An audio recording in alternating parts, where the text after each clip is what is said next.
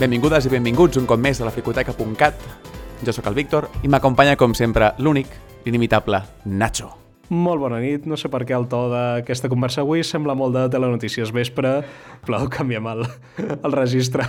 Hola, com estem?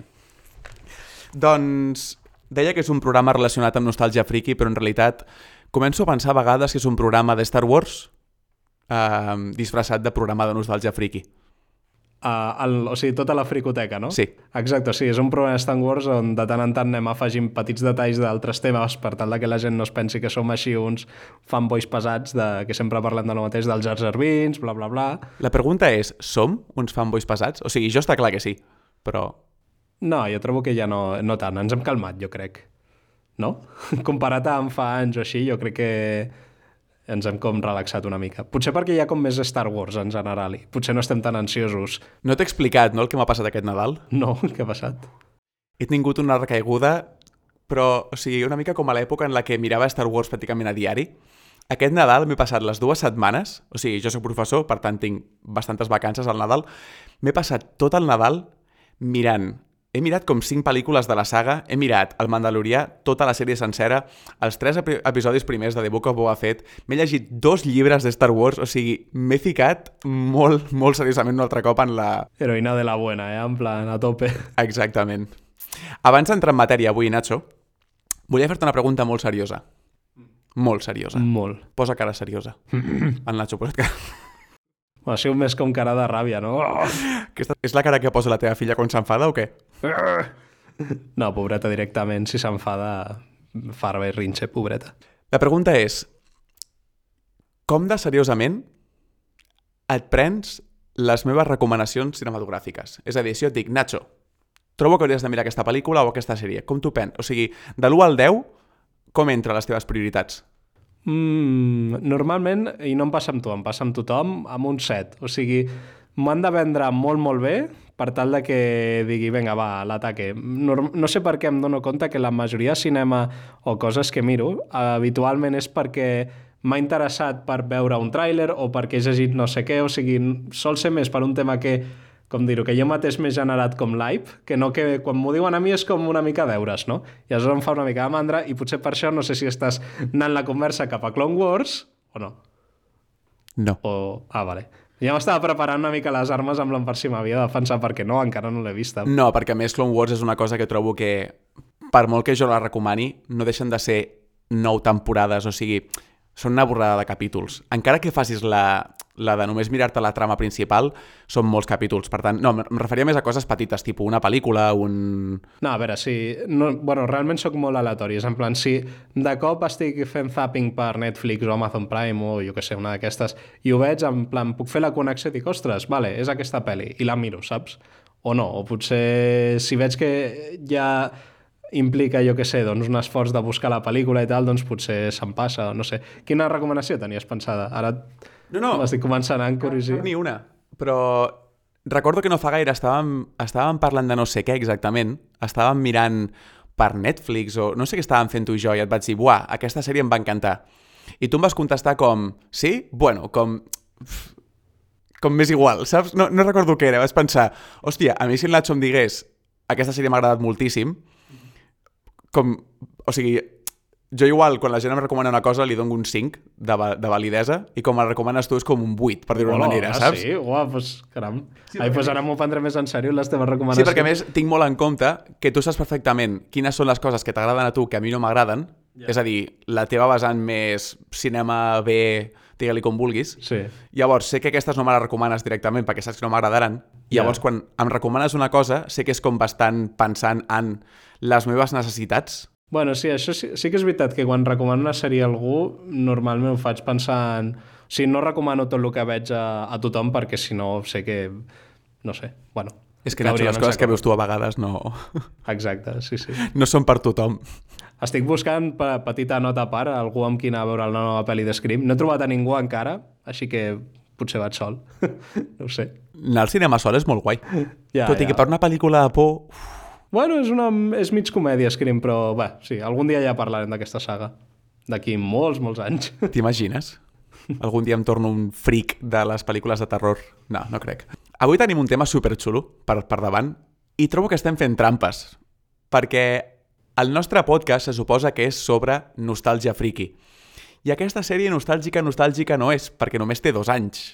Però alhora és reminiscent de molts temes nostàlgics. A veure, trobo que bàsicament juga molt amb el que ha sigut Star Wars a, a o sigui, fa anys, saps? O sigui, veu directament de, de, bueno, de la trilogia original, podríem dir. Parlem de El Mandalorià, de Mandalorian. Toton. Una sèrie... Bueno, ara podries posar la música de fons. El teu toton ha sonat com el de Netflix. Toton. I no, estem parlant d'una sèrie de Disney+. Plus. Uh, una sèrie estrenada el 2019, poc abans de l'estrena de, de l'ascens de Skywalker i dirigida o creada per, per John Favreau i David Filoni, dues persones que avui en dia tenen molt de respecte per part de la comunitat fan de, de Star Wars perquè, per què no dir-ho, estan fent una molt bona feina, trobo. O sigui, igual no em sembla una, una sèrie perfecta, però trobo que estan tenint una trajectòria bastant impecable, en molts sentits. Amb el David... Fil David? Dave... Eh... Dave Filoni. Sí, el que volia dir és que amb el Dave Filoni em sorprèn perquè és com una mena com de mini George Lucas en la sombra, que jo crec que no hi ha tanta gent de Star Wars que és conscient que aquest home és qui una mica ha carregat a les seves esquenes tot el que seria els universos expandidos i una mica tot el que ha sigut Star Wars a part de les pel·lícules. Doncs ell és el que ha estat darrere de Clone Wars i diria que ha estat molt involucrat també en el que seria doncs, videojocs, llibres i tot això. Eh, I, bueno, i ara amb Disney Plus, amb Mandalorian, doncs no sé fins a quin punt està involucrat, en plan, amb quin percentatge, però crec que el tio controla bastant, no? En plan, que està com bastant a sobre de tota l'arc argumental de, i com encaixa dintre de l'univers de Star Wars. Tot el que són llibres i videojocs, no. Ah. No, no és ell, però sí que ha estat molt al darrere de... O sigui, Clone Wars és el seu, el seu bebè. I després va estar també molt amb, amb tema de Rebels, l'altra sèrie d'animació. Mm, sí. I ha tingut un paper molt important a nivell de, de crear trames amb, amb The Mandalorian. És a dir, potser el Mandalorian no és seva, és de, és de John Favreau, però ell ha estat al darrere connectant tot el que són referències, noms, eh, lore, etc etc. no? És a dir, és qui ha creat com, o qui ha donat com la dimensió més mítica a la sèrie. Sí, jo trobo que al final ha sigut un món dur perquè John Favreau, honestament, jo crec que és més un director, és a dir, al final és el que s'ocupa de que, bueno, que la sèrie estigui xula, que sigui comercial, etc etc, els personatges, bla, bla, però necessitava una mena de, de com petita enciclopèdia friki de Star Wars on li pugui dir, escolta, fica aquest detall que la gent li encantarà, o te'n recordes d'aquest bitxo que surt en un concept art de la pel·lícula de l'Imperio Contraataca? Fica, allà veuràs com la gent es torna boja. Totalment. I efectivament doncs, es dediquen a fer això i crec que aquest combo funciona superbé. I és que a més, eh, hem parlat d'aquests dos, però és que també es recolzen en altres directors boníssims. Directors i directores, sobretot. Exacte, està la Bryce de les Howard, crec que es diu, uh -huh. uh, el Robert Rodríguez, eh, Taika Waititi, o sigui, eh, Peyton, Peyton Reed, crec que es diu. Peyton de... Reed, el d'Atman, Deborah Chow, també, que s'encarregarà de la sèrie d'Obi-Wan Kenobi, o sigui, serà ja la directora de la, de la sèrie. I mira, és, és, és superinteressant que diguis això, perquè ho tinc a les meves notes com un dels, dels grans encerts de la sèrie.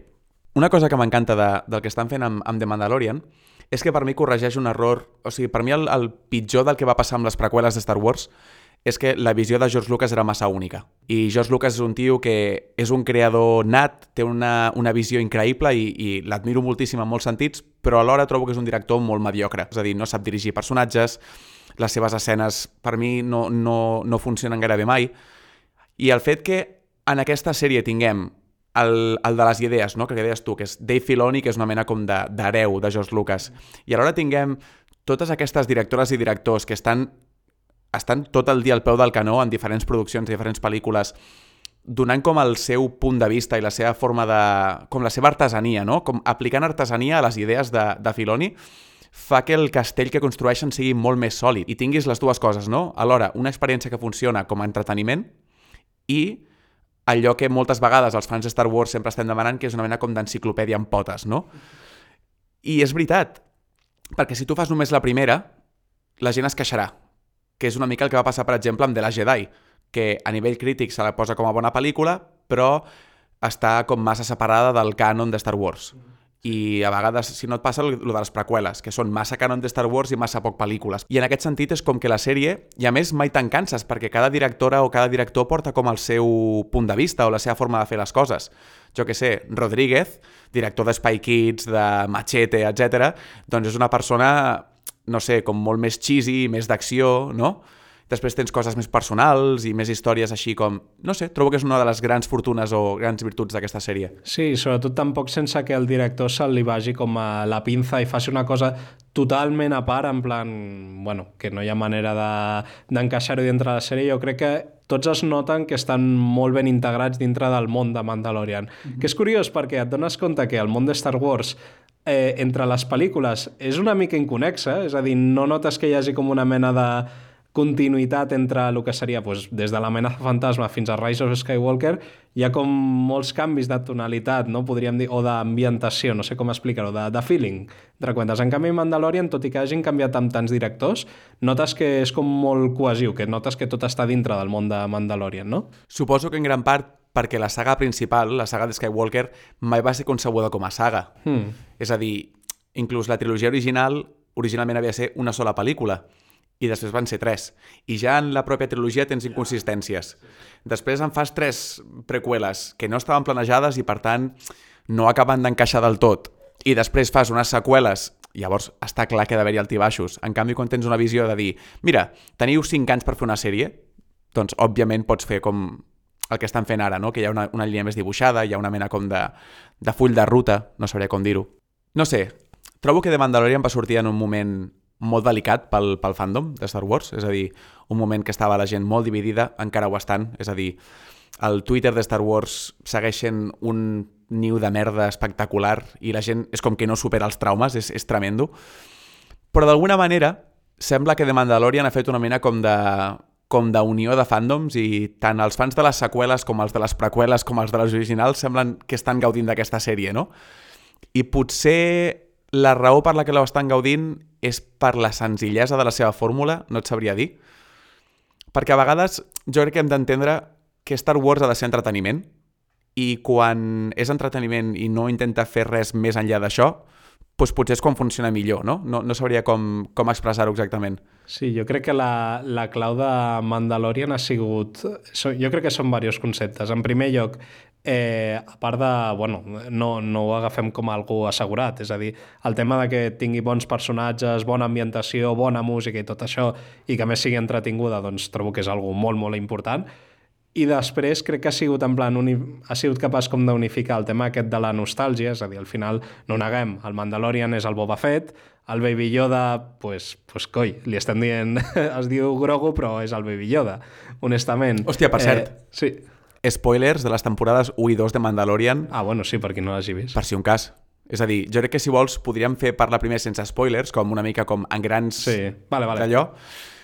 Però, però sí. Bueno, si em dic que apareix un Baby... A veure, apareix el primer capítol, no sé. I si no, no sabíeu que apareix un Baby Yoda, no sé, no heu viscut amb internet durant els últims dos anys. Però sí, combinació entre nostàlgia i elements nostàlgics i... I després, eh, com dir-ho, al final temàtiques noves, eh, conceptes, nous mons, és a dir, doncs sortim una mica més enllà de, de Tatooine i de Coruscant. I, bueno, Coruscant és veritat, no, no es visita, però ja m'entens, que sortim de Tatooine i de lo, lo típic, dels planetes de tota la vida, no? I això crec que ha fet que tots els fandoms de Star Wars, totes les diferents varietats, doncs hagin arribat al consens de que és una bona sèrie, no? Tot i que tinguis, com dius tu, alguns altibaixos, etc etc. crec que no hi ha ningú que li tingui com un hate molt, molt profund de... Bueno, sí, crec que ho vam parlar en l'últim programa, però és igual, sí, sempre existirà algú, però crec que el consens general és que és una bona sèrie, no? Sí, i m'agrada que digués això de que descobrim nous planetes i sortim de Tatooine, però alhora el temps que passem a Tatooine és possiblement el millor que hem passat mai. És a dir, tenim episodis amb els Jaguars, tenim episodis amb els Taskens. Jo trobo que és molt guai, això després ho continua encara més Boba Fett, però m'agrada perquè el temps que passem a Tatooine és un temps en el que descobrim coses del planeta i descobrim coses de la gent del, del planeta i a mi m'agrada molt això també. Va, jo tenia un dubte molt random. Uh, el segon capítol del dels Jaguars és a Tatooine? No Clar. és un altre planeta? No, no, els Jaguars són ah, vale. població és, de Tatooine. Sem vale, vale. Vale, és que no sé per què tenia pensat de que el capítol aquest que es diu en anglès The Gunslinger o el que el dels Speeders era la primera vegada que anaven a Tatooine. Vale, vale, doncs pues nada. Vamos, nada, nada. jo estic gairebé segur que no, perquè vale, més vale, vale. la nau dels Jawas i tot sí Vull dir... No, no, però com a vegades Star Wars, honestament, doncs et diuen que, per exemple, Jakku, honestament, és com una mica Tatooine i, i ja tenia una mica el poti-poti mental de que els jaguars estaven a altres planetes i que era com similar, però no similar. Bueno, és igual. Això ho pots borrar, si vols. No, no, no borres. No, no cal esborrar-ho. Um, hem agradat moltíssim la, la fórmula de la sèrie i, de fet, trobo que és un tema molt interessant. La sèrie té un, una, una fórmula molt episòdica profundament episòdica. De fet, amb alguns amics moltes vegades l'hem descrit com una mena com de campanya de Dungeons and Dragons, no? És a dir, hi ha com diferents missions individuals que a poc a poc van dibuixant un, una mena com d'argument més generalitzat, no? que és el de, el de Baby Yoda i, i tota la seva trama, el seu misteri, no? I és curiós perquè, si, si te'n recordes, quan vam gravar el programa de, de Stranger Things, et vaig dir, jo vull que les productores i les, i les cadenes de televisió em donin la sèrie perquè la miri quan vulgui. És a dir, jo vull la temporada sencera i jo me l'administro com, com em dóna la gana. I he de dir que Disney Plus m'ha fet canviar d'opinió. Amb les sèries de Star Wars, amb les sèries de Marvel, m'agrada moltíssim la idea de veure un capítol, esperar-me fins a setmana vinent i, mentrestant, poder comentar les sèries amb la gent. De fet, la pròpia Disney va dir no volem fer-ho tot de l'hora perquè volem que la gent parli de la nostra sèrie més, durant més temps, no? I tota la raó, és a dir, esperar d'una setmana a l'altra el següent capítol de The Mandalorian ha estat de les millors coses que ha passat per mi en la meva vida com, com a friki de Star Wars. Hem fet les cantines dels Kuwakians amb el Darth Segador, amb, en No One, els Criticutres i tota la colla, que són, que són fantàstics, i ha estat com una part més de l'experiència, no? Pensant les teories, no? Al següent capítol sortirà un Jedi, però quin Jedi, no? I, i totes aquestes idees com tan, tan guais de tornar a tenir com misteri cap, a, cap al món de Star Wars i és, no sé. Totalment, o sigui, de fet, crec que cada cop eh, és una mica més esgotador el modo atracón, que dic jo, de veure una sèrie, vinga, ràpid, ràpid, abans de que internet em faci spoilers o, no sé, eh, aquesta mena que tenim, jo diria que tan contemporània, d'intentar com consumir tot ja i, i bueno, quasi sense pensar i a més si, poder, si pot ser a velocitat 1,5 o velocitat .2 doncs encara millor, no? Eh, I trobo que el fet de que Disney hagi fet un pas a, enrere i digui, escolta, no, va, vinga, anem a intentar mirar les sèries doncs amb una mica com, a, com degustar-les, no? de mirar un únic capítol per setmana, eh, tenir aquesta mena d'intriga, de, de xup-xup, de veure què passarà la setmana que ve, no sé, trobo que és molt xulo que ho haguem tornat a recuperar perquè semblava que amb Netflix doncs, marcaria com el camí de, de com havien de ser les sèries a partir d'ara, no? Doncs tornant, o sigui, seguint amb les, amb les claus de l'èxit de, d'aquesta sèrie. Últimament estem, estem molt musicals, parlant de, hem parlat de John Williams, eh, la setmana passada vam parlar en el de Super Mario, bueno, fa unes setmanes vam parlar de Super Mario i de Koji Kondo, encara que fos molt breument, i trobo que una de les claus d'aquesta sèrie és uh, Ludwig Göransson, em sembla que es diu el, el compositor, que quina passada de música! Quina passada! És a dir, és el primer cop que tenim música a Star Wars que no intenta imitar el que feia John Williams, perquè, per exemple, a Rogue One la sèrie és molt similar al que fa John Williams i agafa leitmotivs i els canvia una mica i tal, no? I està molt bé, però Goranson li dona com la seva pròpia identitat a la sèrie, agafant recuperant una cosa que també m'agrada molt de la sèrie, que és que recupera els temes mm, o les temàtiques més western i més de samurais, no?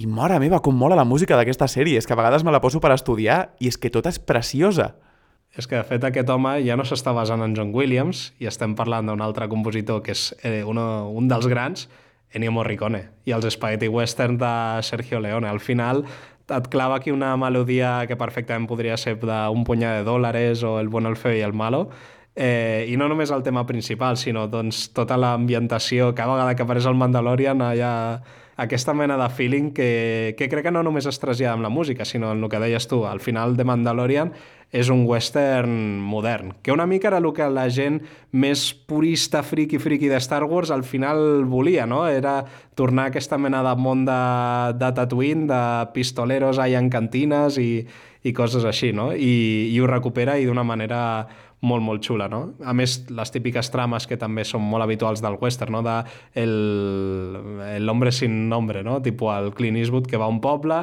i el salva de mm, X, eh, un drac, un pistoler, un etc etc. Sí, és que sempre s'ha dit que, que John Williams es va basar molt fortament en, en tres coses, no? Flash Gordon, per la part més com de superherois i espacial, en el cinema de samurais per les espases i els jedis i, i Darth Vader, i després en el western per, la, per més els, els ritmes, les estètiques i coses d'aquestes, no? I aquesta sèrie ho recupera espectacularment, especialment els últims dos. És menys Flash Gordon que les pel·lícules originals de Star Wars, crec jo. Sí. No, hi ha més, no hi ha tant flashy-flashy, però aquestes dues temàtiques de, de westerns i de, i de samurais trobo que aquesta sèrie les tracta espectacularment bé. Inclús en alguns moments és completament de cara i t'estan mostrant doncs, temàtiques directament origi eh, originals, eh, orientals i, i, no sé, sorolls de botes de, de cowboy i coses d'aquestes, no? I jo què sé, la primera, la primera escena de la, de la sèrie és el, el Mandalorià entrant a la taverna aquesta sí. i ho fa com en una pel·lícula de, de cowboys, com amb les portes aquestes que, saps? No sé, que trobo que és molt guai en aquest sentit a nivell estètic i com recupera com el look and feel del que originalment, originalment va ser Star Wars en el seu dia. Per això trobo que és una, al final és una sèrie que podríem dir que parla de la nostàlgia d'una manera molt, molt clara. O sigui, és que estem, no parem de, pa, de parlar d'aquesta sèrie parlant de referències o de conceptes antics perquè, bueno, sí, és una pel·li i és una sèrie nostàlgica i això, no sé, sembla que sí, a vegades una mena de crim, però bueno, no sé, moltes vegades ens encanten directors que es dediquen a fer referències a pel·lícules antigues, no? Doncs eh, Tarantino està tot el dia copiant coses antigues. Bueno, vale, i què? No sé, o sigui, eh, si és xulo, no? Doncs trobo que té molt de, de valor. La nostàlgia i el, i el fanservice sempre es fan servir com a, com a adjectius negatius i són negatius quan es fan servir malament. És el mateix que les seqüeles o quan fas una pel·lícula d'una saga antiga, no? Si ho fas només pels diners i no t'importa explicar una història, queda tu. És a dir, no em robis els meus diners a mi. Però a mi m'és igual que em facis servir fanservice, nostàlgia i mira, allò que te'n recordes, allò que era un ninot quan eres petit o, o el que sigui, no? Això m'és igual si la història que m'estàs explicant va alguna banda um, i a l'hora que t'aprofites de la meva nostàlgia m'estàs donant alguna cosa, no? És a dir, una mena com de, com de pacte just, per dir-ho d'una manera. Tot i així, trobo que aquesta sèrie té un perill que si no... Com t'ho diria? Per mi la sèrie de Mandalorian són dues sèries i crec que una m'agrada més que l'altra perquè una d'elles té perill. És a dir, la sèrie més episòdica la història de, de Din Djarin, el Mandalorià, trobo que és molt interessant. La de les referències a la resta de l'univers Star Wars trobo que pot acabar sent pesada. És a dir, si cada cop m'has d'estar creant més cameos perquè hi hagi aquesta sensació de que bona és aquesta sèrie, és a dir, Ahsoka Tano, Bo-Katan, Boba Fett, Luke Skywalker, eh, sable negro i tot allò. I... Exacte. O sigui, l'espasa negra, els Jaguars, els Tusken, eh, el drac el qual Ben Kenobi fa el soroll per espantar els Tusken a la quarta pel·lícula. És a dir, ojo, perquè si al final la sèrie es converteix en un festival de referències, es pot perdre a si mateixa. És a dir, al llarg d'aquesta sèrie s'han criticat molt els, els capítols que eren com molt autoconclusius o que eren com, com de farciment. I trobo que una sèrie com aquesta, precisament, en el farciment és on més brilla, perquè la sèrie és una sèrie d'aventures del Mandalorià. No és una sèrie sobre els Mandalorians i la seva reconquesta de, de Mandalor. No és una sèrie sobre Luke Skywalker i la seva caiguda en la seva acadèmia. És una història sobre el Mandalorià. Llavors, fins com, com ho han fet fins ara no m'ha molestat gens i trobo que tenia el seu sentit i les aparicions de personatges doncs, aportaven a la sèrie, però em fa por la tercera temporada perquè igual ja no tindrem el Grogu, o no sabrem què passa. Llavors, què passa? Mm, portaràs el Luke Skywalker amb CGI cada 5 minuts a la sèrie?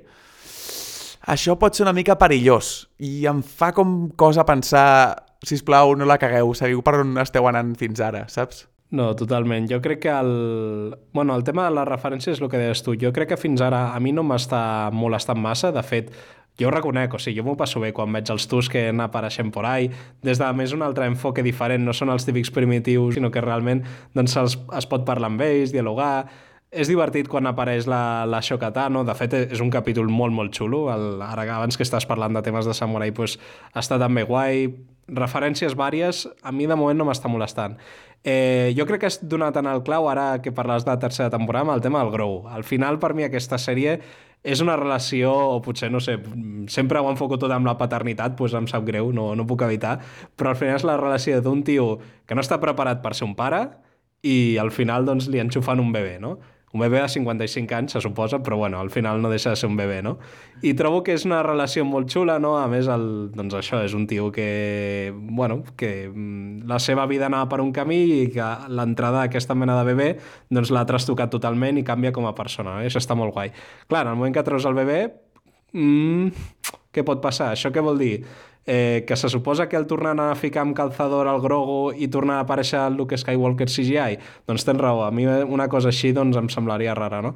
Potser per això jo estic content si la saga es considera acabada aquí, però si ja m'acabes de confirmar que hi havia una tercera temporada, doncs mira, és algo que no sabia. Jo pensava que en Boba Fett era com una mina una mena de sèrie que recollia el màntol de Mandalorian i Mandalorian ja deixaven tancada la seva saga, no? no. Caram, doncs no sé com avançaran a partir d'allà pues com no facin més temàtica mandaloriana i recuperació de Mandalor i bla bla, o idea. Baby més Window. O Baby Jar Jar. Mm. Clar, el potencial a partir d'ara és infinit. O sigui, ara baby, podem... baby Jefe Nas. Oh, ja està, ja està. Vale, vale. Ja m'has convençut, vale.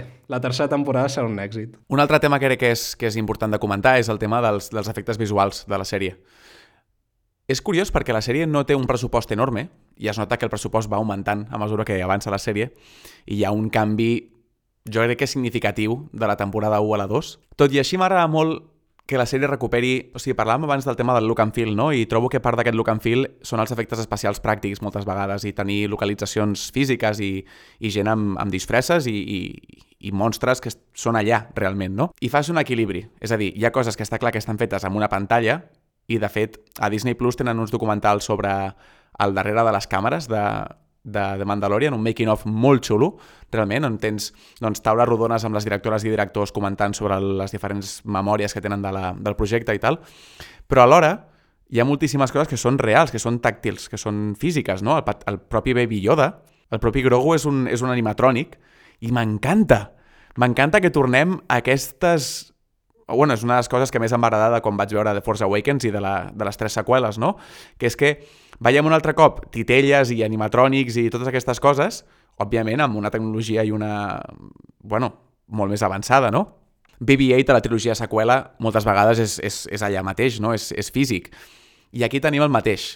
I trobo que fa tan més tàctil, tàctil al món i tan més viu que, no sé, no sé què em penses, si et crida l'atenció a tu o no, no però... No, total. Tot el que és tipus animatrònic, per dir-ho així, trobo que aguanta molt més el pas del temps que el que seria el CGI, eh, bueno, el convencional, no?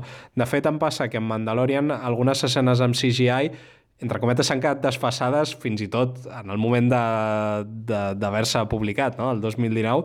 Eh, recordo molt sobretot una escena del primer capítol, que estan en aquesta mena de món de gel on apareix un bitxo i tal, i, no sé, es veu pobre, no? I en canvi, al cap res, doncs, em fiquen el Baby Grogu, que és una titella, i és que me'l crec, vamos, o sigui, com si estigués allà, no?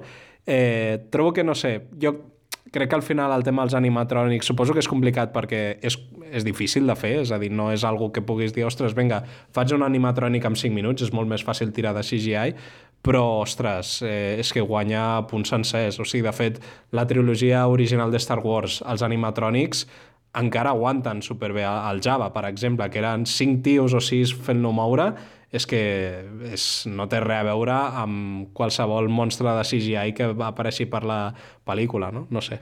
Tenen un element que trobo que és, que és, in, és, in, és in, inigualable en aquest sentit. O sigui, és molt difícil que una criatura com Jar Jar Binks feta en, en CGI, inclús encara que estigués basada en un actor real movent-se i tal, no?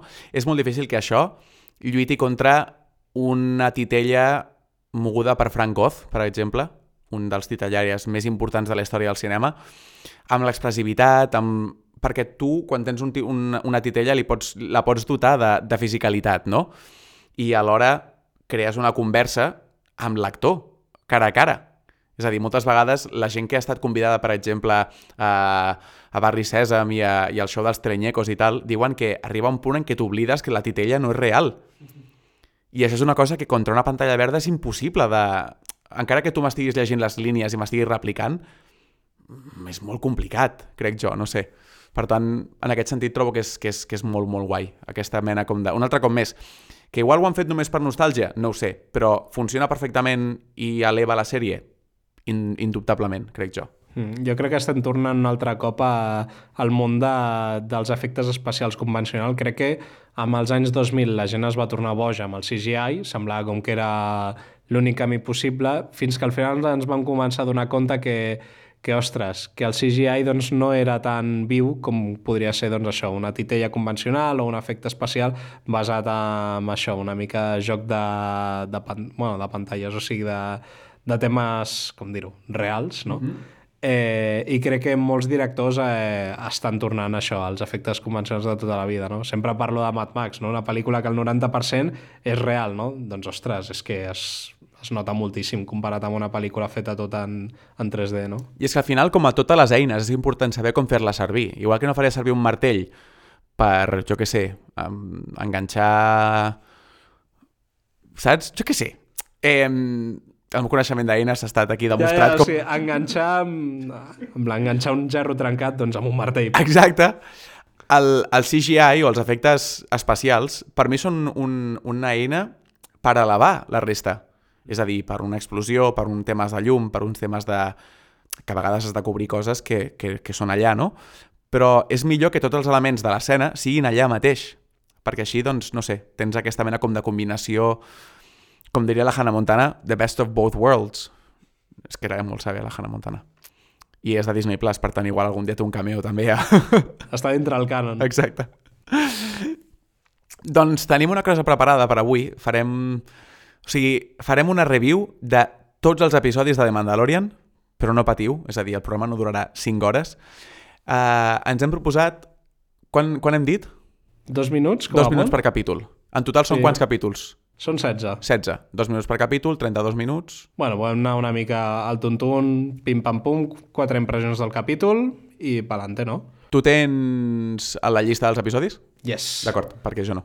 Molt bé, doncs 16 capítols, tinc els títols en anglès, Endavant. eh, però bueno, a partir de si vols, Víctor, doncs eh, anem fent canvi una mica, impressions super punteres, molt concretes i canviem de capítol. Si vols, digues el, tu digues el nom en anglès i jo et faig la rèplica traduint-lo al català. Vale. Llavors... Vinga, a veure com fas amb el primer. The Mandalorian. És el capítol número 1. El Mandalorià.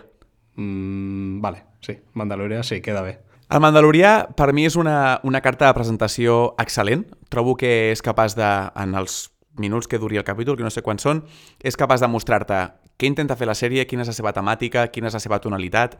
Et presenta un parell o tres de personatges bastant, bastant importants per la sèrie, entre ells el Quill, que és meravellós, i trobo que és capaç d'acabar amb un bombazo, que és la presentació de, de Baby Yoda, del qual no teníem ni idea de qui era, d'on venia, i a mi personalment, com a nen que vaig estar obsessionat amb Yoda de petit, t'he de dir que em va rebentar el cap completament. Jo sobretot afegiria que, bueno, al final els capítols introductoris solen ser sempre dels més fluixos, però aquest aguanta bastant bé el tiro. Eh, com dius tu, una seqüència final molt èpica amb el IG... No sé si és l'IG-88, té un altre nom, però bueno, per mi és el mateix. Eh, res, una escena molt, molt xula, una declaració d'intencions en tota regla amb l'escena de, del bar o de la cantina aquesta, i, i res, potser no és el capítol més memorable, però un molt bon capítol per arrencar la sèrie. Vinga, passem al capítol 2, eh, el nen, The Child. Mm -hmm és bàsicament, per mi és el capítol dels aguas. Mira, abans tenia el dubte si era Tatooine o no, doncs està claríssim que és allà a Tatooine. Molt xulo veure com el Mandalorian doncs, es desenvolupa en un món doncs, Star Wars conegut, per dir-ho així. Eh, crec que ho van fer una mica això, per intentar veure com encaixava el Mandalorian doncs, amb el lore o amb el feeling que té Star Wars de tota la vida i és un capítol que jo m'ho passo molt bé. Al final sé que és un capítol d'aquests una mica bueno, com tots els de, de Mandalorian, tipus filler, no? O de... Sí, sí. sí, o tipus ampolla, no? De situació molt concreta en un molt món concret, però molt, molt xulo. Importantíssim el fet que els jaues estan tractats amb molta comèdia i amb molta, i amb molta innocència, i trobo que en aquí el, la sèrie també t'està dient aquest no és el tipus de sèrie que t'has de prendre seriosament i trobo aquesta aventura amb els jaguars, amb el rinoceron, amb el vincle amb el, amb el Grogu i veiem com per primer cop fa servir els seus poders, no? És com, uau, increïble. Per tant, super, super xulo, m'encanta. Molt bé, passem al capítol tercer, The Sin. Uh, el crim o, o el, El pecat, pecat. no?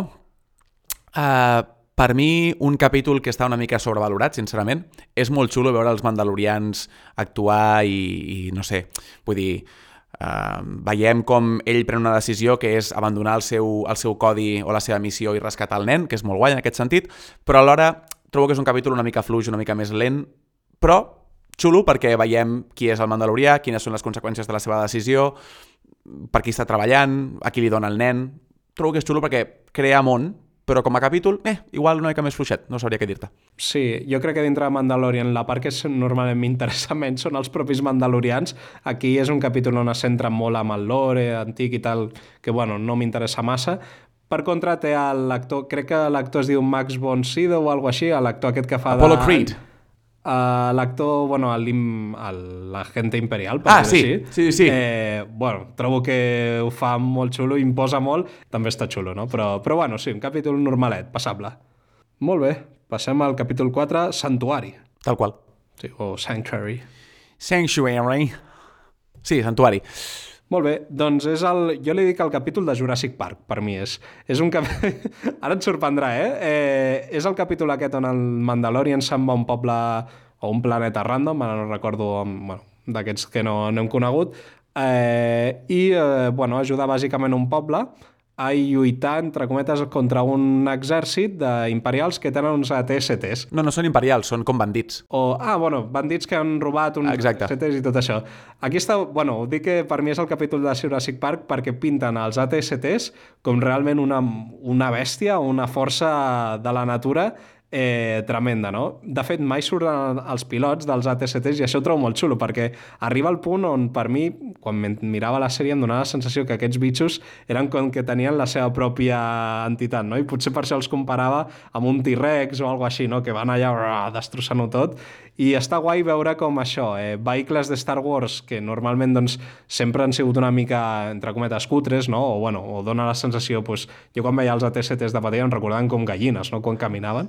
I aquí, doncs, eh, jo, li donen un pes que, bueno, està, és divertit. Per mi és l'episodi 7 samurais o, o els 7 magnífics, és a dir, Mm, també. replica la, la dinàmica d'aquelles pel·lícules i, i és pràcticament un, una referència, bueno, mm, superòbvia, no? Trobo que és guai perquè per primer cop tenim el Mandalorià en un, en un entorn amable, és com, però per què no et quedes aquí i cries el, el nen aquí, no? Tenim per primer cop una mena com de per què no et treus el, el casc. És guai veure'l en aquest sentit, en, aquesta, en aquest ambient, un episodi de, de Bryce Dallas Howard, amb un toc una mica més personal, més, més eh, proper, no? I, I molt xulo. A mi m'agrada, la veritat. És un, és un episodi que li tinc estima, la veritat. Sí, sí. 5 de 7 Doritos. Molt bé. Eh, capítol 5è. Eh, The Gunslinger. El pistoler, sí, per mi, amb diferència, el pitjor episodi de la sèrie, inclús et diria que em sembla un mal episodi, en tots els sentits, és a dir, primer episodi de Dave Filoni, dirigit per, per, per Filoni mateix, i uf, Filoni, va costar, eh? És a dir, després, a la segona temporada, fa dels millors capítols, també és veritat, però aquest episodi és, per mi, dolent. És a dir, no aporta absolutament res a nivell de trama, pràcticament. El lector que fa de, de pistoler o de caça-recompenses és molt oblidable. L'única cosa guai d'aquest capítol per mi és que coneixem a la, a la mecànica de Tatooine, de, de Mos Eisley. És de Mos Eisley o de Mos Espa? Mos Espa... Mos Espa, sí. Sí. I trobo que en aquest sentit és guai perquè aquest personatge em cau molt bé i els seus droides i tal, però el capítol em sembla una cagada com una casa. És a dir, no va enlloc, no m'agrada, sincerament. Sí, és d'aquests capítols que el trobo com menys eh, memorable. Només recordo doncs, això, l'escena de, de la mecànica amb els droides de, que et recorden això a l'amenaça fantasma. Honestament és un capítol de, bastant ple de referències als speeders i tot això. I, bueno, amb aquesta mena com de cameo de promesa del Boba Fett. O sigui, el recordaré per això, perquè és el capítol que una mica ens va prometre eh, el que estava per arribar, no? Sí. És curiós, eh? Perquè després el Boba Fett va per uns camins que realment no m'esperava que anirien. Per sort. Però bueno, sí, sí, en aquella, aquella època semblava que hi hauria com que la sèrie seria el gran enfrontament entre el Boba Fett i el Mandalorian, no? I quan va haver sortir això, doncs realment impressionava bastant, però bueno, per sort, bueno, eh, ens va sorprendre i va ser una mica més diferent el camí, no? Vinga, va, passem al següent capítol, el número... Darrere, 6, prisoner, eh, presoner, perdó. Presoner, sí. Mm. Un altre capítol que no m'agrada. Trobo que és oblidable, trobo que la trama un altre cop no va lloc pràcticament. Tens un parell de moments que importen, però en realitat, no sé, no té gaire consistència ni gaire, ni gaire res i les actuacions són lamentables, ho sento molt. És a dir, Natalia Tena, que és una actriu que m'encanta, l'actriu de Tonks a Harry Potter, eh, que també l'hem vist a Game of Thrones i bla bla, fa un paper superdolent en el meu sent... o sigui, en el, el, des del meu punt de vista i trobo que aquí va haver-hi algun tipus de problema de direcció gairebé segur perquè mm, les escenes no funcionen, la tensió del final amb la llum vermella i la gent com quedant-se atrapada a la presó em va semblar una mica mm, quan, les, quan es nota que un episodi és de televisió i no acaba de tirar del tot, trobo que aquest capítol és, és així total i... Eh. Sí, per mi és el pitjor capítol de la sèrie, amb diferència, o almenys jo li tinc molta mania. Ara potser tu et farà bastanta ràbia perquè sé que t'agrada molt Doctor Who i tot això, però em recorda com un mal capítol de la BBC, en Tal plan qual. de... Sí, sí. d'això de, de televisió britànica, cutre... Eh, al començament del capítol, a més, el trobo com molt o sigui, massa directe, o sigui, jo entenc que puguis fer capítols en polla, però és que realment vam canviar de l'últim capítol que estava a Tatooine i de cop en el següent ja l'està atacant un TIE Fighter random, no sé, em va semblar com super desubicat eh, i és això, els personatges aquells que apareixen, doncs, ni fu ni fa, realment no, no m'han cridat gens l'atenció. A Doctor Who, quan tens un mal, un mal episodi, encara pots comptar amb una sèrie d'elements de la sèrie que com la sèrie mai és, mai és boníssima, mai és state of the art, per dir una manera, no? Sempre té aquest punt com de cutre, aquest punt de, de familiar, que fa que li puguis perdonar molt més un mal episodi. De fet, el, el propi doctor convida que el que passa al seu voltant no importi tant, saps? Però aquí no. Aquí ens estaven acostumant a una, un tipus de, de narrativa i una qualitat que en aquest episodi i en l'anterior trobo és com... Què passa? Que no teníeu més material per la temporada i vau gravar aquestes dues aventures per per farciment pur i dur, perquè si no, no m'explico com. Al principi de la temporada és tan fort, al final també és bastant fortet, i aquí tens aquesta mena com de, com de vall al mig que no, no porta enlloc, no... Bé, és igual. No hem complert lo dels dos minuts, però bueno, hem parlat del pitjor capítol de la sèrie. A partir d'aquí us prometem que això comença a anar cap a bon. Correcte. I, efectivament, amb The Reckoning... Passar comptes. Passar comptes, caram. Molt bé, Víctor. És el capítol on apareix el Gideon, que és el gran villano de la sèrie... Eh, per qui no conegueu, és l'actor aquest de, de Breaking Bad, el, el gas. Eh, Giancarlo Esposito. Exacte eh, fa un paper fet a mida per ell, o sigui, no sé què va ser primer, si que el van contractar ell per fer un villano o que el villano eh, estava fet per ell, bueno, en fin, que el, està ficat amb, doncs això, la perfecció. Sí, sí, li va com un guant el, el, el paper. És un capítol una mica, com dir-ho, eh, antesala, realment no és com l'explosió que, que m'esperava i hi ha com molta cosa que no acaba passant fins al capítol següent, però bueno, per ensenyar qui és el Gideon i tot això i una mica lo imposant que és, doncs eh, està guai. És un capítol xulo, però repeteixo, crec que lo xulo apareix a, en, el, en el vuitè. Sí, està clar. De fet, podem passar directament al vuitè. Amb el vuitè, que és... Uh, pa, pa, pa, Redemption, la cançó del Bob Marley. Redempció en molts sentits, és a dir, hi ha com molts elements redemptors en aquest episodi, i, i trobo que és molt guai en aquest sentit um, perdem un personatge presentat al principi de la sèrie, que és, que és Quill, que em sembla meravellós, i I Have Spoken, i la seva mort em va semblar bastant dramàtica, la veritat, per lo poc que l'havíem vist i el poc temps que havíem passat amb ell, un cop més, un personatge fet amb, amb efectes pràctics de maquillatge i superguai. Um, tenim com el Mandalorià accepta per, per, per primer cop com la relació amb els droides no? I, i realment confia en ells i, i és molt guai en aquest sentit veiem per primer cop la cara de, de Pedro Pascal, que me'n recordo que tu vas dir que no la veuríem quan s'estava estrenant la sèrie, i jo et vaig dir que creia que sí que la veuríem al final de la sèrie i va ser com un, hòstia, doncs al final, a més, d'una forma molt intel·ligent, no? perquè ell realment no es mostra davant de cap ésser viu, per tant, molt xulo, i un final que és capaç de tocar notes emotives, notes de... Això no s'ha acabat aquí. Per mi és un dels millors capítols de, de la sèrie i precisament pel tema aquest que comentaves de la redempció. Doncs és el Mandaloriano eh, fent com la seva redempció amb el tema aquest de, de les tradicions, no? doncs sent capaç de treure's el casc. Eh, el tema de l'IG-88, no? doncs sempre ha tingut aquesta fixació de que els droides doncs, són mala pasta i no, doncs al final doncs, també pot haver-hi bondat, no? Eh, I, bueno, també con la redenció en el sentit d'anar fins a, com dir-ho, fins a la fi del món pel Grogu, pel Baby Yoda, i, i bueno, doncs acaben com aquesta mena d'arc de com superar doncs, eh, qui és el Mandalorian al principi de la sèrie i com acaba, no?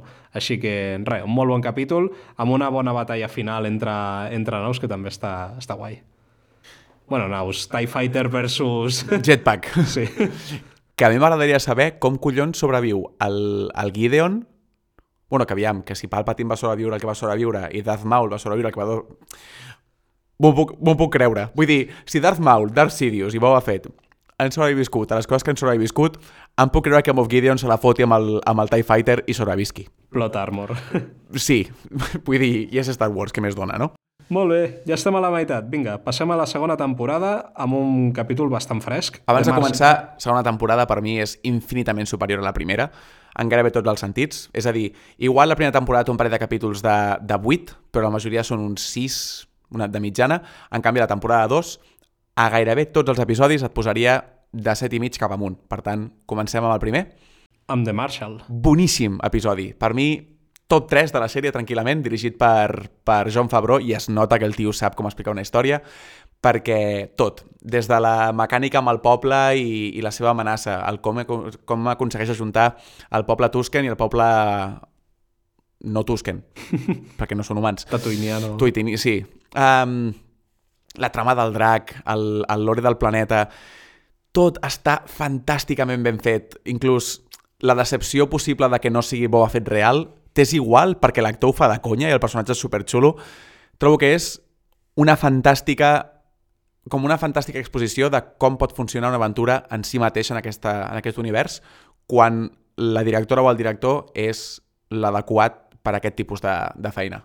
Està molt guai, perquè el primer capítol d'aquesta segona temporada no deixa de ser això, un capítol ampolla, un capítol filler, etc etc. però està fet tan bé i amb tant de carinyo que realment és que la gent que no li agraden això, les sèries amb filler i tal, eh, se'ls ha de posar aquesta sèrie per demostrar que els fillers poden estar molt, molt xulos. I un altre cop, res, ho has comentat de passada, però em va riure molt quan va aparèixer el Marshall amb el traje de Boba Fett, que et penses que apareixerà el Boba i tot això, i de cop veus el tio que medeix quasi, no, no sé, dos metres, o, o això o el Boba Fett és molt petit, i realment et quedes com desubicat en plan, ah, és el Boba Fett, però no és com el recordava, no? No sé, és, una, és un moment bastant xulo amb la que et deixa com mig trencat. Eh, res, molt bon capítol. A Molt mi- xulo, sí, sí. I a més recordo que va ser el primer episodi on tenim realment una humanització dels Tusken, Mm. cosa que em va semblar superguai, perquè en aquests últims 40 anys hem après a deixar de dir-los indis, a començar a parlar d'ells com a natius americans, i hem descobert la seva història des d'un punt de vista molt més humanitzat, que és que són gent a la qual la van treure de la seva casa, del seu territori, i la van violar, massacrar i el que sigui. I això és molt guai perquè trobo que Star Wars es redimeix amb si mateix i de sobte presenten la tribu original de, de Tatooine i de sobte són gent amb famílies, gent amb preocupacions, gent amb mercats, que és una tendència que hem vist després amb, amb Boba Fett tremenda, no? Però va ser el primer cop que per, per una vegada els Tusker eren personatges i em va semblar superguai, una idea fantàstica. Molt xulo. A més, veure el Mandalorian parlant en Tusken és també molt gràcies. Molt bé, passem al capítol 10, eh, The Passenger. És el famós capítol on el Grogu o el Baby Yoda es torna una màquina de matar Sí. i de quasi extingeix una... No està matant a ningú, perquè els ous no estan... no estan... Però Víctor, Víctor, estàs anant contra els teus ideals, com pot ser això? No vaig en contra dels meus ideals, és a dir, jo encara que sigui una persona vegana, entenc que els ous no tenen vida dins. A mi el que em preocupa és el que passa quan, quan fas els ous, no que et mengis l'ou en si. Um, un episodi que trobo que està injustament odiat, perquè a mi m'encanta aquest episodi, trobo que el Grogu està fantàstic a nivell de com actuen amb el titella, perquè quan el Grogu s'està menjant els, els nius de les aranyes i comencen a obrir-se els nius i el Grogu està com, oh my, i comença a córrer cap al Mandalorian cridant, és com, Déu meu, que algú el salvi, si us plau. La granota em sembla increïble, però increïble, un personatge fantàstic, que a més està interpretada per la mateixa persona que feia de Quill en la primera temporada, que es diu Misty Rosas. Uh, M'encanta com actua aquesta persona amb, amb el seu cos, perquè tenim màscares i tenint... aconsegueix transmetre com moltes emocions, trobo. I, I no sé, em sembla un altre cop una aventura en si mateixa, com el primer capítol, que dius, hòstia, que arriscat, no? Començar una sèrie amb dos capítols de farciment. però funcionen molt bé, trobo que tots dos són super divertits i l'aranya fot un fàstic es- Està guai, eh? Perquè mira, abans que parlaves del tema de, de terror, doncs Star Wars també és capaç no? d'entrar en una mena de, de capítol d'això de, de por, d'intriga i tal. Eh, a mi m'agrada molt aquest capítol, eh, tant per això, perquè a més recupera doncs, això temes originals de, de l'Imperio Contraataca, no? Al final aquesta aranya doncs, apareixia en una mena de concept art Mhm, de, sí. de Dagobah, molt, molt xulo que ho fiquin allà com a petit detall. Eh, sé que, bueno, estan parlant abans que potser Mandalorian es passen les referències, però és una que no m'importa. I, I res, tota la relació del Grogu amb, amb els ous i tal era, era molt graciós. Bueno, Sincerament, trobo que és el millor tipus de, de referència. És a dir, agafar arts originals que no s'han fet servir, que estan plens d'idees espectaculars, és a dir, els concept arts de les tres originals són una passada. I recuperar-los com per crear aquest món i donar-li més, més vida, em sembla de les millors formes de fer servir nostàlgia i contingut antic que, que es poden pensar, sincerament. petit parèntesis, els crèdits finals de Mandalorian, buah, una passada. I fa que realment miris els crèdits, perquè jo me'ls miro sencers, perquè són molt xulos. Eh, capítol 11, The Heiress, eh, la heredera? L'Areva, en català. L'Areva, la de la cara d'un, eh, el planeta aquest d'aigua i tal. A mi és un capítol que em va deixar una mica fred perquè no he vist Clone Wars, amb la qual el fet de que estigués aquesta senyora no em va causar aquesta mena de hype de, que suposo que devia tenir tothom a ostres, la cara d'un, no sé què. És en plan, ok, sí, està bé, però bueno, no és un capítol que m'encanti. Per mi de la segona temporada, per mi és el més fluixet. Ostres, clar, no havia pensat que per una persona que no ha vist Clone Wars, la segona temporada igual és més fluixa que la primera, perquè veu més de tota la trama de Clone Wars, és a dir, la cara d'un, aquí, o sigui, jo recordo que va aquest capítol, quan la cara d'un diu el nom de Ahsoka Tano, que a mi se'm va caure els collons al terra, perquè la, la Ahsoka Tano és una passada de personatge. Vale, vale. No, no, la Shokatano sí que li... I aquí capítol em m'agrada molt, ara arribarem a ell. Però el de la cara d'un en concret em va semblar com... Ah, i trobo que és xulo. L com assalten la nau, um, com veus on estan com les, les aliances i els, els stakes, no? Les, Mm. com el que s'està jugant cadascun. Trobo que és un capítol divertit, la veritat. Sí, està bé, però... Bueno, sí. I hi ha un moment especialment cute, que és quan la granota es troba amb el seu marit granota i s'abracen i és super cookie. És que em sembla tan maco, no sé, vull dir, ja sé que sóc un, un friqui de, de les titelles i d'aquestes coses, però quan estan ben fetes, i aquí estan molt ben fetes, com estan jugant amb el seu nou nascut, el seu nou nat, no? I, i com es queden fent de cangur del, del Grogu, és com, ai, que cookies que sou, saps? No vas pensar, quan vas veure aquella escena, en plan, pobres granotes, el que els espera si el Grogu està per allà al mig. en plan... No, l'únic que vaig pensar és que m'agradaria anar-los a visitar i passar una estona amb aquesta família de granotes, no sé, que és molt xuli. Vinga, capítol 12, The Siege, el asalto. el... Sí, sí. Doncs aquest, si no recordo malament, aquesta temporada té com dos capítols de com dir-ho així, d'assalto en una mena de base imperial, aquest és un dels primers, eh, molt xulos sobretot la, el que seria la fugida de la base, aquesta mena de persecució amb les naus i tal, eh, jo crec que per mi és com el punt més alt de- d'aquell capítol, és el que més recordo. Sé que també mostren una mica el tema del lore, de què estan fent amb el Baby Yoda, bueno, què pretenen fer i tot això, que també està guai, però sobretot el que destacaria més és aquesta mena de persecució final, eh, molt, molt xula, amb, amb aquests secundaris que, ostres, no, no em sé els noms, eh, però bueno, ja saps què vull dir. Un és el Apollo Creed de... de... Sí, és veritat. No sé que- quin és el Rocky. que té al, a la sèrie, però bueno, sí, aquests. Uh, la cara d'un com a... Bueno, sí, la cara d'un, el, el personatge aquest blau que coneixem al primer capítol de la primera temporada, Mm, que és el, sí. que, el que deté, saps? Sí, sí. Trobo que és un episodi que és molt fluix en els seus primers dos, dos terços, perquè no passa gaire cosa, més enllà del tema de la clonació i saber que el Moff Gideon segueix viu i tal, però el que dius tu, la persecució de les dues motos speeders mm, que vam conèixer en el retorn del Jedi i el moment que, no sé, amb el TIE Fighter i tal, trobo que aquests últims 10 minuts, 5 minuts d'acció final compensen la resta de l'episodi. Per tant, sí. Totalment. Eh, passem al capítol 13, jo crec que un de, dels potents, eh, The Jedi. És el capítol al final de, eh, no sé com dir-ho, de pel·lícula d'Akira Kurosawa de samurais, amb la Shokatano, eh, doncs, bueno, enfrontant-se a una mena de villana d'un poble. Buah, és un capítol que trobo que és una passada. Eh, que a sobre, doncs, pels fanàtics del lore, doncs et fiquen el lore no amb una culleradeta petita, sinó amb una cucharada de sopera, ja toma lore, venga, menja tal, i te'l menges i el disfrutes, i és que a sobre tens un capítol boníssim, Volíeu lore? acció i, bueno, i de tot. O sigui, un molt bon capítol, la veritat. Molt bon capítol i imagina't com t'hagués agradat el capítol si coneixessis la història de la Soka Tano. La conec, sí, o sigui, la... Però, Però no l'has viscut. Vull dir, Ahsoka és un, és un personatge que és, que és meravellós. És a dir, va aparèixer per primer cop a la pel·lícula de Clone Wars, que va ser tan fluixa, i, i a tothom li va caure malament al principi. No m'inclouria, però sí que és veritat que no em va cridar l'atenció. I, hòstia, la història de Sokatano a Clone Wars és el que fa que Clone Wars sigui la sèrie que és. És a dir, jo trobo que la, la raó per la qual Clone Wars és una sèrie tan guai pels fans de la saga és perquè, un, t'arregla el tema de l'Anakin, i realment fa que t'importi el personatge, i dos, és que la Soka és un personatge brutal. La seva evolució d'adolescent a adulta, i com l'hem vist també a Rebels i tal, uau! Llavors, el fet que el capítol sigui tan bo, amb les seves temàtiques asiàtiques, amb el duel al final, amb, amb, la, amb la vara de Beskar contra les espases, les espases de la Soka, i el fet que la Soka sigui aquest personatge que és tan estimat pel públic, buah, brutal. Top 3 de, de la sèrie per mi. Sí, és molt, molt bon capítol.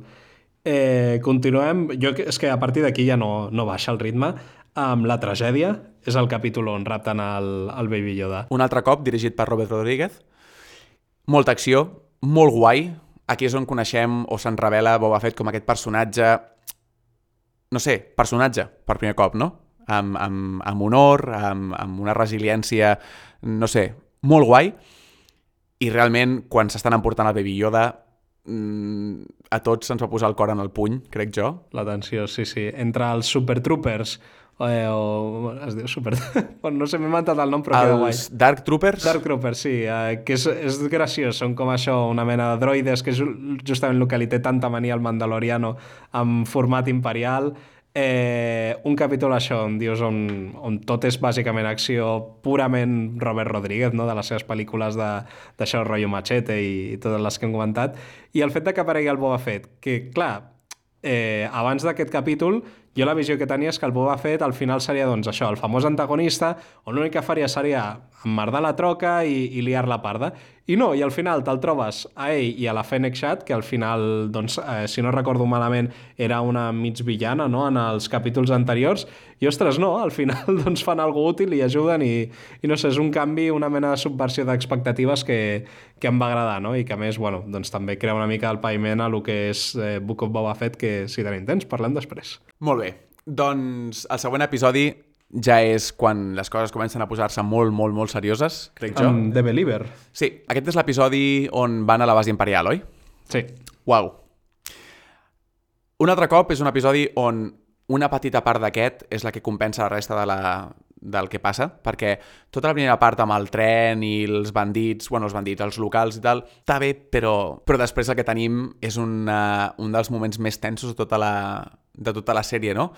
Amb tota aquesta conversa amb el, amb el general imperial, no, no sé si és un general, no és igual, un, un alt càrrec de l'imperi, no?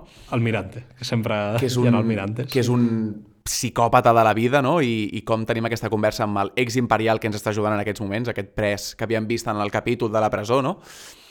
I un episodi molt efectiu a nivell, a nivell d'actuacions, a nivell, el, com et diria, de diàleg, perquè no havíem vist a Pedro Pascal encara com a, com a mandalorià actuar gaire, i en aquesta escena no és ni tan sols el protagonista. La conversa passa entre els altres dos, no?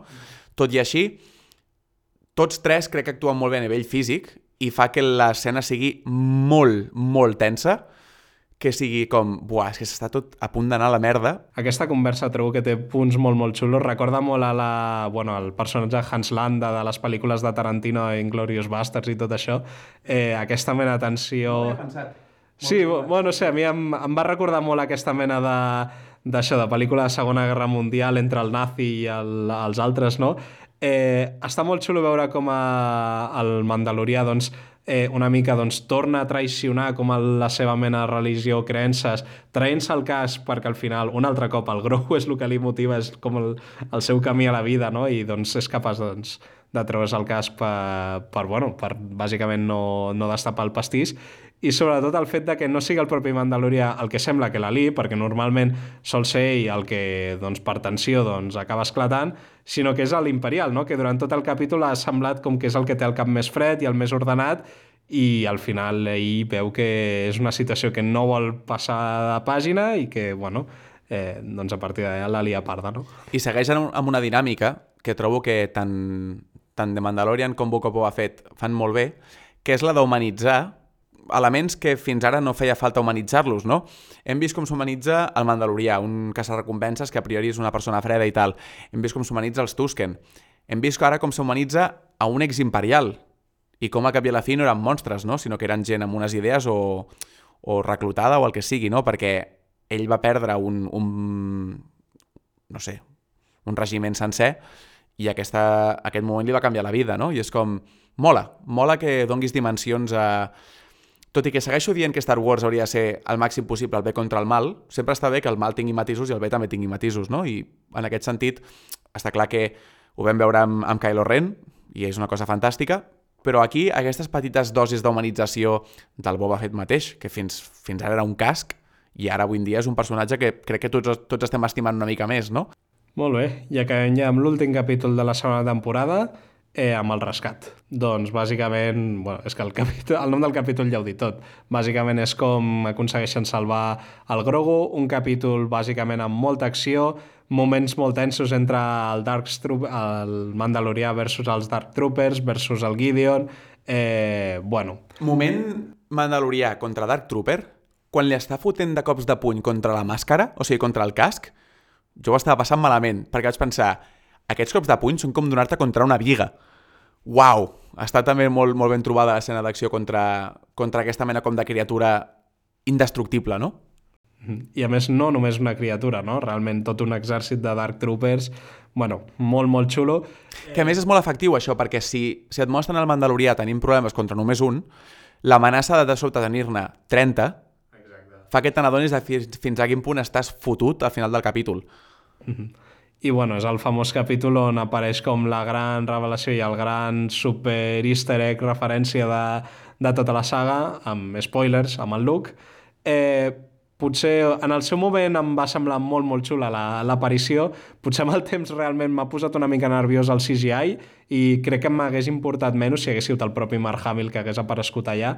Eh, potser no em faria tanta ràbia. Últimament, al veure aquesta escena, em sembla una mica falsa, una mica rotllo, no diria PlayStation, però una mica tipus cutscene de, de videojoc. Eh, no m'acaba d'agradar i potser jo crec que li començo a tenir mania pel fet de que em treuen el Grogu i, i clar, ara que sobretot, com m'has dit que la tercera temporada està confirmadíssima, doncs realment és que no sé com... El fet de que aparegui el Luke m'està fent més ràbia que, que benefici, no sé com dir-ho. No? no només està confirmada, sinó que s'estrena aquest any.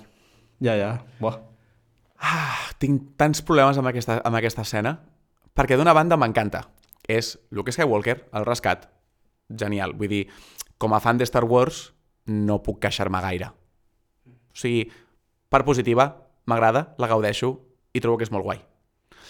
Per negativa, punt número 1, és fanservice, en el mal sentit de la paraula. És a dir, um, igual que trobo que la gent té en un pedestal una escena de Rock One que no m'agrada, que, és la, que és la de Darth Vader, que trobo que no, a mi no m'acaba de funcionar i trobo que és xula pel fet, simple fet de ser xula i prou, i no m'agrada, aquí em passa una mica el mateix. És a dir, és que és molt difícil d'articular tot el que estic pensant ara mateix, eh? perquè d'una banda em molesta el fet que la gent faci servir aquesta escena per eh, detrimentar la, el personatge de Luke Skywalker a The Last Jedi. Mm. Perquè diuen, veus, això és el que volíem. I és com, realment és això el que voleu?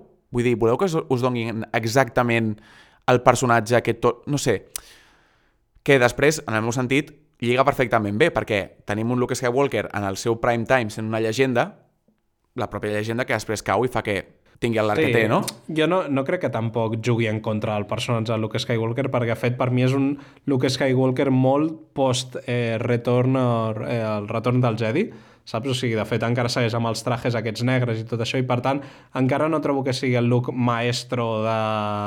Bueno... No, no, o sigui, jo no dic, jo no dic que vagi en contra, dic que la gent ho fa servir com a, com a ah, ja, una, ja. una raó més per atacar si no hi penso, és molt guai, oh, que guai, Luke Skywalker al rescat. Però si hi penso... Mm, ai! Vinga, va, per acabar el to de, del programa un, amb algo positiu, també parlaré que la despedida entre el Grogu i el, i el Mandalorian és molt... Oh. És molt maca, realment. Sí que... És molt maca. M'agrada molt com s'acomiaden, m'agrada molt com el, com el Grogu confia en el Luke gràcies a l'R2D2. L'R2D2 fa com uns sorolls com ei, que jo també sóc com petit, no?, per dir una manera, i, i fa que, que el Grogu tingui també com aquesta com, ah, m'agrada, saps? M'hi puc acostar. I, I sí, ja et dic, tot i que pugui tenir problemes amb el final de la sèrie, trobo que és molt guai. El duel entre el Mandalorià i el... I el... Gideon? Gideon, exacte. Molt xulo perquè, a més, se'ns havia presentat com es donaria això, no? Havíem vist la, la vara de Beskar contra les espases de la Soca i és curiós com es giren els termes, no? O sigui, al principi la vara de Beskar és l'enemic i aquí la vara de Beskar ens protegeix de l'enemic i és molt, molt xulo com allò que diuen de la pistola de la, de la paret, saps? Sí. Um... Chekhov's gun. Exacte. Sí. I, i m'agrada molt com crea una tensió entre Bo-Katan i, i Din Djarin, no? Perquè ara Bo-Katan no pot acceptar l'espasa i no pot reclamar el tro de, de Mandalore, per tant, no sé si ho saps això com va. Sí, sí, sí, eh, ho vaig sentir, em va deixar també una mica, bueno, en plan, vale, sí, és algo del lore i tal, no, no em va afectar tant perquè potser no, no estic tan ficat amb Clone Wars. Mm. I, I sí, vull dir, hem trigat una mica més, però crec que hem fet una bona feina en resumir la sèrie en 15-20 minuts. Sí, sí, ens han folit 16 capítols, eh? En res, en mitja horeta, així que molt bé. Jo la vaig tornar a veure durant el Nadal, com deia abans. Et diria que inclús l'he gaudit més el segon cop que la primera vegada.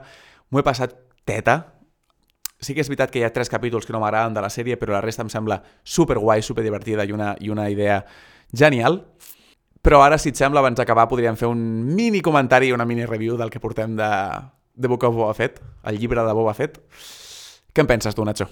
Portem, a dia d'avui, o sigui, no sé quan... Sí, exacte, no sé quan publicaré aquest programa, però a dia d'avui hem mirat tres episodis. A mi m'ha agradat molt. Sé que és un, o sigui, és un spin-off en tota regla, és a dir, si Adam Mandalorian podríem dir que és un spin-off de, jo què sé, de les aventures de Star Wars, això és l'spin-off de l'spin-off, es pot dir que és una mica, entre cometes, gratuït i que potser no, no sé com dir-ho, que podríem dir que no aporta massa a lo que seria la història o eh, bueno, a tot, però m'ho estic passant bomba, honestament. O sigui, veure el Boba Fett, que és un personatge que l'han maltractat durant tota la saga i tenir la seva pròpia sèrie, i a més amb l'actor, el Temura Morrison, que jo crec que és un tio que s'ho està passant bomba. O sigui, quan el veig actuar, jo crec que és el que s'ho està passant millor de, de, de tots, o sigui, de mi, de tu, de tota la gent que ho està mirant, ell s'ho està passant allà amb els Tusken, eh, bueno... No amb sé, el Rancorn...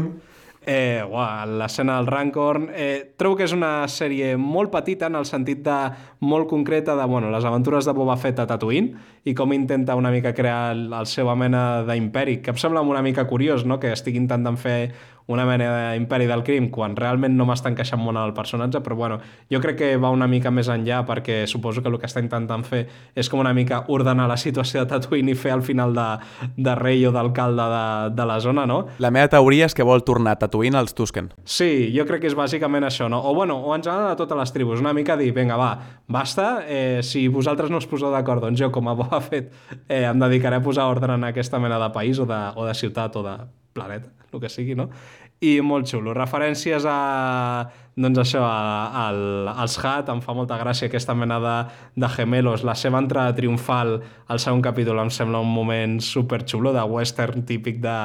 Eh, és curiós, no és al final una mena de duelo, però són dos baboses i això, i el, el, ai, el Mandalorian, el Boba Fett amb, amb els gamorreanos, no? No sé.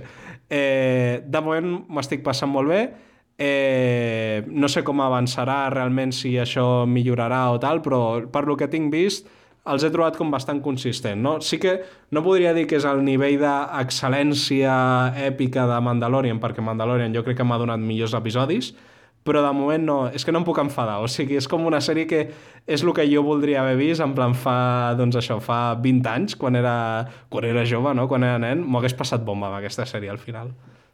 I tu estàs passant bomba ara. També, també. A mi m'està agradant moltíssim, també, m'ho estic passant molt bé. Hi ha hagut alguns moments que no m'han acabat de convèncer, però de tots els capítols em quedo amb parts molt més positives que negatives. El segon episodi va ser una passada, amb tot el tema de com assalten el tren, com entrenen amb els, amb els Tusken. En el tercer capítol, perdoneu, aquí un altre cop, spoilers de, de The Book of Boba Fett, no escolteu si no heu vist el capítol número 3, quan moren els Tusken em va fer molta pena, i potser és de les poques coses negatives que veig de la sèrie que trobo que van fer servir la mort dels Tusken una mica com a element de drama. I és com, mm, bueno. Però m'encanta la Tusken petita, m'encanta la guerrera Tusken, m'agrada el cap de la tribu, és superguai com estan caracteritzats un cop més sense veure res d'ells, no? Um, trobo que és molt xula la sèrie perquè és molt humana en molts sentits i tant els flashbacks com la part actual et mostren personatges amb, amb motivacions i amb sentiments i tal. I a part m'agrada especialment perquè tot el fandom tòxic de Star Wars l'està odiant. I, ah, sí? sí? Ah, doncs mira, jo això no ho sabia. El fandom així més tòxic estan demanant que, que, que han fet... Una mica... Cancel·lem el Boba Fett. Sí, sí, una mica el que van dir amb, amb Luke Skywalker, rotllo, aquest no és el nostre Luke, doncs estan dient el mateix amb, amb Boba Fett, rotllo, aquest no és el nostre Boba Fett. Ells volen una sèrie de Boba Fett sent un malote, disparant a tothom i sent un, un thug, saps? I... Sí, però trobo que dintre del que cap aquest Boba Fett m'encaixa amb qui és ell. O sigui, el Boba Fett a l'Imperio contraataca, al final és la seva pel·lícula, perquè apareix el retorno al Jedi, però molt poc, eh, dintre del que cap és un zac, vale, però té com bastant de cap, o sigui, és com més espavilat del que mm. sembla i no es dedica com a, jo que sé, a rebentar-ho tot amb pistoles. Al final és un cazarrecompenses i com que no té com hard feelings contra el Han Solo i tot això, simplement és en plan, ei, eh, això només és negoci, jo estic fent la meva i tal. O sigui, jo mai he trobat que a, la, a les pel·lícules originals el Boba Fett ens el presentessin com un tio així com eh, rabiós, així com, uah, com ganes de em disparar tot, saps? No sé, o sigui, trobo que m'encaixa bastant el seu personatge amb el que ha sigut abans, no? Jo és que a més sempre dic una cosa, que és que amb aquests tipus d'històries, sèries, pel·lícules, videojocs, és igual. El pitjor que pots tenir és una, una exigència de com ha de ser un personatge. Mm. És a dir, els personatges i les històries no són nostres. I si a tu, a l'amenaça fantasma, no et convenç a l'Obi-Wan Kenobi, és culpa teva. Perquè tu has de deixar que t'expliquin una història. I el fet que no encaixi amb els teus esquemes és el teu problema, única i exclusivament. Llavors, em sap greu per la gent que se sent traïda no? per, per de la Jedi, és a dir, tant de bo no et passés, però és culpa teva. És a dir, jo crec que és innegable a The Last Jedi que el personatge de Luke Skywalker està ben escrit i el seu arc funciona. I si a tu et fa ràbia que Luke Skywalker no sigui la llegenda que tu tenies pensat, que Boba Fett no sigui l'assassí sense sentiments que tu tenies pensat, és culpa teva i hauríem de començar a controlar expectatives i a deixar que ens expliquin les històries i a passar-nos-ho bé, al cap i a la fi, no? Perquè tu estaves dient ara, és un spin-off d'un spin-off. Però per mi, més que això, és la prova viva que és igual quan Star Wars ens donin, sempre i quan estigui fet amb, amb estima i amb carinyo. Sí. És a dir, a mi si em donen tres sèries a l'any, però totes estan fetes per un equip amb ganes, amb visió i tal, el que vulgueu. No hem parlat... Tu no has vist Star Wars Visions, no? No. D'aquesta vam parlar. El que, el que dèiem abans... un capítol, això sí. Star Wars Visions és un altre cop un altre, un altre exemple de gent amb moltíssima estima, amb moltíssim carinyo fent un producte basat en Star Wars. Que al final, Star Wars és un, és un vehicle. Tu estàs explicant històries, que és igual si són sobre jedais, que se recompenses, o, o grangers d'humitat d'aigua. Al final són històries en un univers. I la resta, que estiguin ben fetes i prou, no ho sé. Mm -hmm. Sí, no sé. Jo d'aquesta sèrie de Book of Boba Fett l'únic que espero és que potser no intentin... Intent... O sigui, per mi Mandalorian és com una mena també, ara que estem parlant de vehicles, vehicle cap a altres eh, sèries, no? Doncs això, la sèrie de Shokatano, mm -hmm. la sèrie de Boba Fett. I espero que amb el Book of Boba Fett realment sigui més tancadeta i que no intentin ara ficar-m'ho en un gran lore o en una gran trama, sinó que realment es centrin en lo important, que és explicar pues, aquesta història del Boba Fett i, i que no tinguin por en tancar-la. És a dir, si aquesta sèrie ha de tenir només una temporada, l'ha de tenir, no sé, o no... Jo confio que si... No sé, veurem com acaba aquesta, aquesta temporada, no? Però que si acaba bé amb una temporada, no forcis, intentis crear una mena de uf, necessitat constant d'això, de, de donar-me més de lo mateix. No? Estic molt d'acord. Espero que, no sé, Jo no, no sé si està confirmada una segona o no, però amb una jo estaria molt content. Si tanquen la història. I a més és una cosa que hem dit molts cops. Tant de bo les sèries s'acabessin de forma més rodona, en comptes de seguir allargant el xiclet, no? Però... Doncs ja està, no? Sí, sí. Ens ha quedat un, un, senyor, programa, un senyor programa d'una hora i vint. Ja, ja. Um, doncs bé, fins aquí l'episodi d'avui de, de Mandalorian i de Book of Boba Fett. Esperem que us hagi agradat, que el recomaneu a la gent de, del vostre voltant, amigues, amics, familiars, gent a la que vulgueu convèncer per mirar The Mandalorian. Jo sóc el Víctor I el Nacho? i això ha estat lafricoteca.cat. A reveure! Hem parlat.